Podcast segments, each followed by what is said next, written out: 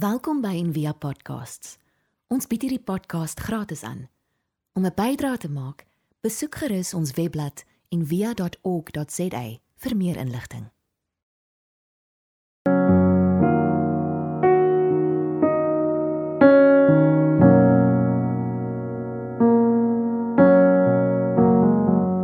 My ouma het toe my pa op hoërskool was, 'n lemmetjie groen mini stasiewa gery met groot roeskolle op. Toe ek vir my pa vra, "Hoe kan ek myself indink hoe hierdie stasiewa lyk want is natuurlik lank voor my tyd?" Het hy gesê dit lyk soos Mr Bean se mini, maar hy's net heelwat langer. My pa het geweier dat sy ma hom voor die hoofingang van die skool aflaai. Sy moes hom om die draai aflaai dat hy eerder laat lyk asof hy skool toe stap want dit sou vir hom te veel van 'n verleentheid gewees het as sy maats moes sien dat hierdie die voertuig is waarmee hy by die skool arriveer. In Stellenbosch is matriekafskeide een groot affære. In my tyd, nie te lank gelede nie, was die inding vir die manne om eerder jou hare peroxide te daai en te sny in 'n mohawk want vir die eerste keer is die reëls, die skoolreëls van haarsnitte nie meer van toepassing nie omdat jy eindeksamen gaan skryf. En vir die dames was die fokus maar op hulle klere, hulle skoene en natuurlik hulle hare. Nou vandag in ons dorp is die klem op hoe en met wat jy by hierdie geleentheid arriveer. Ek weet van mense wat nie eers kinders 'n matriek het nie, wat na hierdie geleenthede toe gaan hier oral om net om te gaan kyk in watter klassieke of sportmotors die matrikulante opdaag. Vandag is Palm Sondag en saam met kerke reg oor die wêreld vier ons Jesus se intog in Jerusalem in. Kom ons lees hoe Jesus by Jerusalem arriveer het. Toe hulle naby Jerusalem kom, by Betfage en Betanië op die Olyfberg, stuur Jesus twee van sy disippels en sê vir hulle: "Gaan na die dorpie. Daar reg voor julle en net soos julle inkom, sal julle daar 'n jong donkie vasgemaak kry. Geen mens het nog ooit op hom gery nie. Maak hom los en bring hom hier. En as iemand vir julle sê: "Wat maak julle daar?" moet julle sê: "Die Here het hom nodig." En hy sal hom gou weer hierheen terugstuur. Hulle het toe gegaan en 'n jong donkie by die ingang buite langs die pad vasgemaak gekry en hom losgemaak. Party van die mense wat daar gestaan het, het vir hulle gesê: "Waarom maak julle hierdie donkie los?" Hulle het hulle geantwoord soos Jesus gesê het en daarna het die mense hulle laat begaan. Hulle bring toe die donkie na Jesus toe en sit van hulle klere op hom en Jesus het opgeklim. Baie mense het van hulle klere op die pad oopgegooi en party weer groen takkies wat hulle langs die pad afgebreek het. Die wat voorgeloop en die wat agteraan gekom het, het uitgeroep: Prys hom! Loof hom wat in die naam van die Here kom. Geseënd is ons voorvader Dawid se koninkryk wat aan die kom is. Prys hom in die hoogste hemel. Jesus het in Jerusalem na die tempel toe gegaan en alles daar bekyk. Dit was al laatmiddag toe hy en die 12 weer na Betanië toe gegaan het. Hoe Jesus vir sy intog in Jerusalem in arriveer is volgens ons dorp se standaarde een reuse antiklimaks. Hy leen 'n donkie om as voertuig te gebruik. Die donkie het nie eers 'n blink gevryfde saal op nie. Mense gooi takke en kledingstukke op die pad om te dien amper as 'n rooi tapuit. Mense is in ekstase en gaan te kere, maar hoekom? Hierdie is dan nie so spektakulêr soos waarin ons gewoond is nie. Die Romeine het hierdie intog baie soortgelyk ervaar. Dit is blykbaar een of ander Joodse koning wat die stad inkom, maar hulle gebruik nie eers 'n goue koets of perd nie. Daar's geen wagte wat voor hom of agter hom aanloop met wapens nie. Daar's geen wapens nie. En hierdie intog eindig nie met 'n groot partytjie met kos en feesvieringe nie. Want kort na sy intog keer Jesus weer terug huis toe. Nou vir die Jood wat hierdie sou aanskou, sou sien hoe die profesie van Sagaria voor hulle oë sien afspeel. Ek lees vir ons: Jubel Sion, juig Jerusalem, jou koning sal na jou toe kom.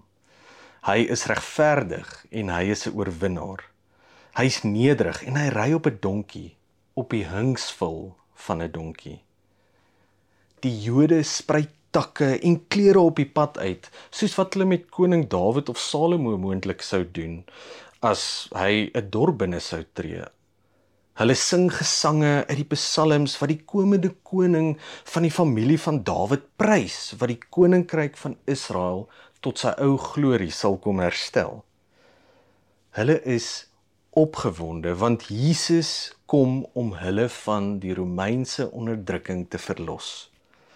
Hulle het 'n politieke of nasionalistiese leier verwag, miskien selfs 'n gewelddadige sosiale hervormer. Mens kan so aflei want Sagaria se profesie lees verder: Ek sal die strydwaans in Efraim vernietig, die perde uit Jerusalem uitroei. Die pyl en boog waarmee oorlog gemaak word, sal gebreek word. Die koning sal vrede vir die nasies afkondig en hy sal regeer van see tot see, van die Eufraat af tot in die uithoeke van die aarde. Maar Jesus het geen wapens nie en hy kom en vernietig geen strydwaans of perde nie. Jesus se intog eindig nie met 'n gewelddadige konfrontasie met die Romeinse ryk nie. Hy gaan loer net wat in die tempel aangaan en keer dan terug Betanië toe. Hierdie is in teenstelling met hoe 'n koning veronderstel is om op te tree na so 'n grand entrance. Hierdie verwagting van die Jode word dan nou nie 'n realiteit nie. Jesus is nie die Messias wat hulle verwag het nie. Jesus sou alles hierdie intentioneel doen. Hy het geweet hy was self 'n Jood. As hy op 'n donkie gaan arriveer, sou die Jode glo hy gaan hulle verlos. Dit sou die Romeine ongelukkig gemaak het omdat die intog in teenstryd met hulle gewoontes was. Dit kon selfs as 'n tipe bespotting oorgekom het. Hulle sou veral ook ontsteld wees oor Jesus se volgelinge wat uitgeroep het: Jesus is die Here die eerste belydenisse van die vroeë Christene wat 'n direkte politieke bedreiging vir die Romeinse regering was want vir hulle was daar net een aanvaarbare Here en dit was die keiser. Groot vraag op hierdie stadium is waarom? Hoekom nou die Romeine en die Jode so ontstel? Jesus kom en hy wil die verwagting van wat sy leierskap gaan wees kom herdefinieer. Hul verwagting van 'n leier wat kom met mag en autoriteit en onderdrukking is nie wie hy is nie. Hy wil die teenoorgestelde koninkryk kom vestig. Een van liefde, deernis en diensbaarheid. Kom ons wees eerlik, ek en jy word nie regtig beïndruk deur mense wat op donkies arriveer nie. Ons verkies eerder mense wat arriveer met geld, met aansien en natuurlik 'n nice karre. Dis wie ons eintlik onsself mee wil vereenselwig, nie 'n ou op 'n donkie nie. Ons sal soos die Romeine neerkyk op iemand wat op 'n donkie ry ons sal so 'n persoon nie eintlik ernstig opvat nie, sommer klaar besluit uh vooroordelend besluit wat hierdie ou se storie is. Hy moes iets gedoen het of hy het een of ander besluite in die lewe geneem dat hy op hierdie plek moet wees. Of ons sal soos die Jode besluit om hierdie persoon wat nie aan hierdie verwagting voldoen nie te cancel Ons weet hulle doen dit ook eintlik letterlik op die ou ende wanneer hulle hom tot sy dood veroordeel. Jesus kom wys dat sy leierskap nie in heerskappy, autoriteit of mag gegrond gaan wees nie. Dis nie die motiewe wat hom dryf nie. Jesus kom om homself te gee vir iets groter as die jubels en die hosannas wat aan hom gegee word. Hy besluit om hierdie versoeking van mag wat weer kom besoeke of lê teen te staan. Die versoeking wat ook toe hy in die woestyn was gekom het waar al die koninkryke van die wêreld aan hom beloof was. Jesus kom sê die antitese, die teenoorgestelde van mag is diensbaarheid. Paulus wat soos ons ook Jesus se volle verhaal en volle storie ken, beskryf dit so. Hy sê dieselfde gesindheid moet in julle wees wat daar ook in Christus Jesus was. Hy wat in die gestalte van God was, het sy bestaan op godgelyke wyse nie beskou as iets waaraan hy moes vasklem nie, maar hy het homself verneder deur die gestalte van 'n slaaf aan te neem en aan mense gelyk te word. Hoe doen ons dit? Hoe neem ons hierdie posisie van 'n slaaf aan? Eerstens moet ons dit verstaan vanuit die oorspronklike doel. Die Griekse woord wat gebruik is doulos. In Afrikaans word dit in hierdie teks vertaal as 'n slaaf, maar figuurlik beteken dit eintlik om 'n dienaar te wees. Want in Filippense 1 skryf Paulus dat hy en Timoteus direk of letterlik doelosse is van Christus. Hulle is slawe van Christus, eintlik dienaars van Christus. En in hulle tyd het slawe behoort tot die laagste klas van mense in die samelewing. Hulle het geen regte of voorregte gehad nie, behalwe deur wat deur hulle meesters aan hulle toegestaan is. Paulus nooi ons om Christus as meester te dien. Sy lewe van liefde, deernis en diens vir onsself te kom aanneem. Om 'n dienaar te wees was vir Jesus 'n intentionele besluit. Dit was aan 'n kant sy self in diens van iets anders. Jesus het geweet dit gaan eintlik 'n moeiliker pad wees. Ons weet diensbaarheid gaan nie vir ons mag, sekuriteit of aansien gee nie. Dit is beslis die teenoorgestelde van om met die stroom te gaan. Maar dis die pad waarna toe Jesus ons uitnooi. Diensbaarheid wat totaal en al in hierdie verhaal uitgebeeld word as die teenoorgestelde van magtigheid. Hoe is ek en jy dan meer diensbaar? Ek dink die binne in ons weet ons want daar's amper 'n leenverklikker wat afgaan as ons dadelik kan opkom hoor kan agterkom hier's iemand met valse diensbaarheid daar's genoeg tele-evangeliste of mense daar buite wat hierdie goeie nuus gebruik eintlik om mag en aansien en sekuriteit te bekom. Hierdie voorbeeld is dalk meer voor die hand liggend en daar's in baie aspekte van ons lewens is hierdie motivering eintlik ook onderliggend teenwoordig, maar ons is nie bewus daarvan nie ons glo ons intensies is baie keer goed. Maar baie keer doen dit juis die teenoorgestelde. Ons arriveer op 'n donkie of ons dink ons arriveer op 'n donkie. Maar eintlik is hierdie donkie 'n resiesperd wat vermom is soos 'n donkie. Waar dien jy sodat palmtakke voor jou neergelê word en mense hosannas oor jou spreek? baie keer is dit ook die rede hoekom ons ophou dien want ons kry nie die palmtakke of die hosannas nie. Maar Jesus kom en hy tree sy roeping met hierdie gesindheid in. Hy tree Jerusalem, die plek waar hy sou sterf, die pad wat lei na sy dood, so in. Die pad wat Jesus kies bepaal hoe hy arriveer het, nie andersom nie. Eleanor Trump het gesê no one needs a stallion for a journey with crucifixion at its end for this purpose a donkey is perfectly fine As Jesus die pad van mag, sekuriteit en aansien gekies het, het hy met strydwaans en wapens daar opgedaag reg vir 'n geveg. Maar hy kies eerder die donkie.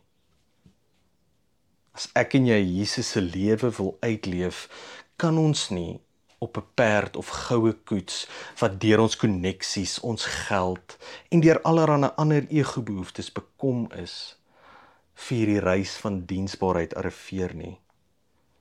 Vir Jesus om dit te kon doen, moes hy homself kom leegmaak.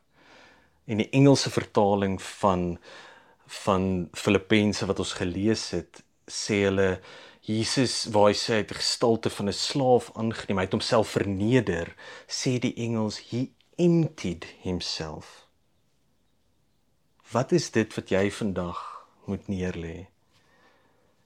Hierdie verhaal spreek pertinent die leebehoefte aan mag en beheer aan. Miskien kan dit help om eerder te dink aan waar jy nood raak sien En wat is dit wat jou weerhou om eintlik daai nood te gaan help regmaak of om diensbaarheid toe te pas? When Christ entered into Jerusalem, the people spread garments in the way.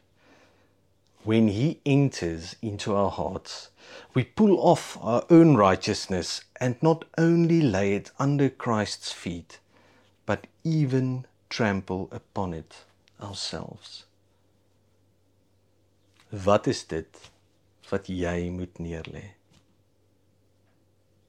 Ons dogtertjie is nou 16 maande oud en een van die moeilikste aanpassings wat ek in my lewe moes maak was haar teenwoordigheid in my lewe.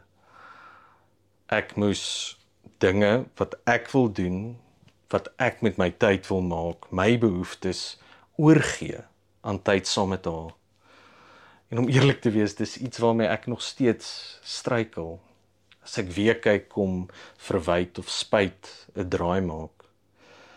Maar ek besef dis nie eintlik die gawe nie. Ek besef daar's vir my baie meer geluk en vergenoegdheid in tyd saam met haar. Ek is seker baie ouers kan hiermee vereenselwig. Al is jou kinders al groot dieselfde liefde wat ek glo ouers lei om 'n gedeelte van hulle lewe oor te gee is die liefde waarin ons gesindheid gegrond moet wees. Kom ons bid saam. Here ons kom en ons bring ons stories. Dankie dat as ons daarop reflekteer ons kan agterkom dat u saam met ons op hierdie reis is. Here kom herinner ons en nooi ons uit om te besef dat die pad wat ons kies eintlik moet bepaal hoe ons arriveer. Here, hierdie pad van diensbaarheid is moeilik. Dit is 'n moeiliker pad. Ehm um, dis aan die kant baie van ons behoeftes. Kom gee ons die wysheid en ook die berusting, Here, dat U hierdie pad saam met ons loop. Ons bid dit in Jesus se naam. Amen.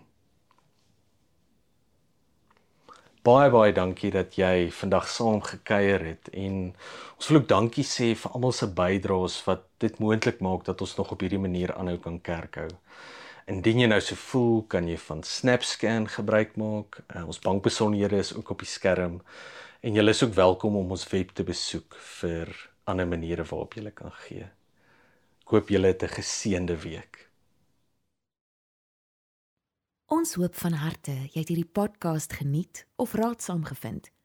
Besoek gerus en via.ok.za vir meer inligting.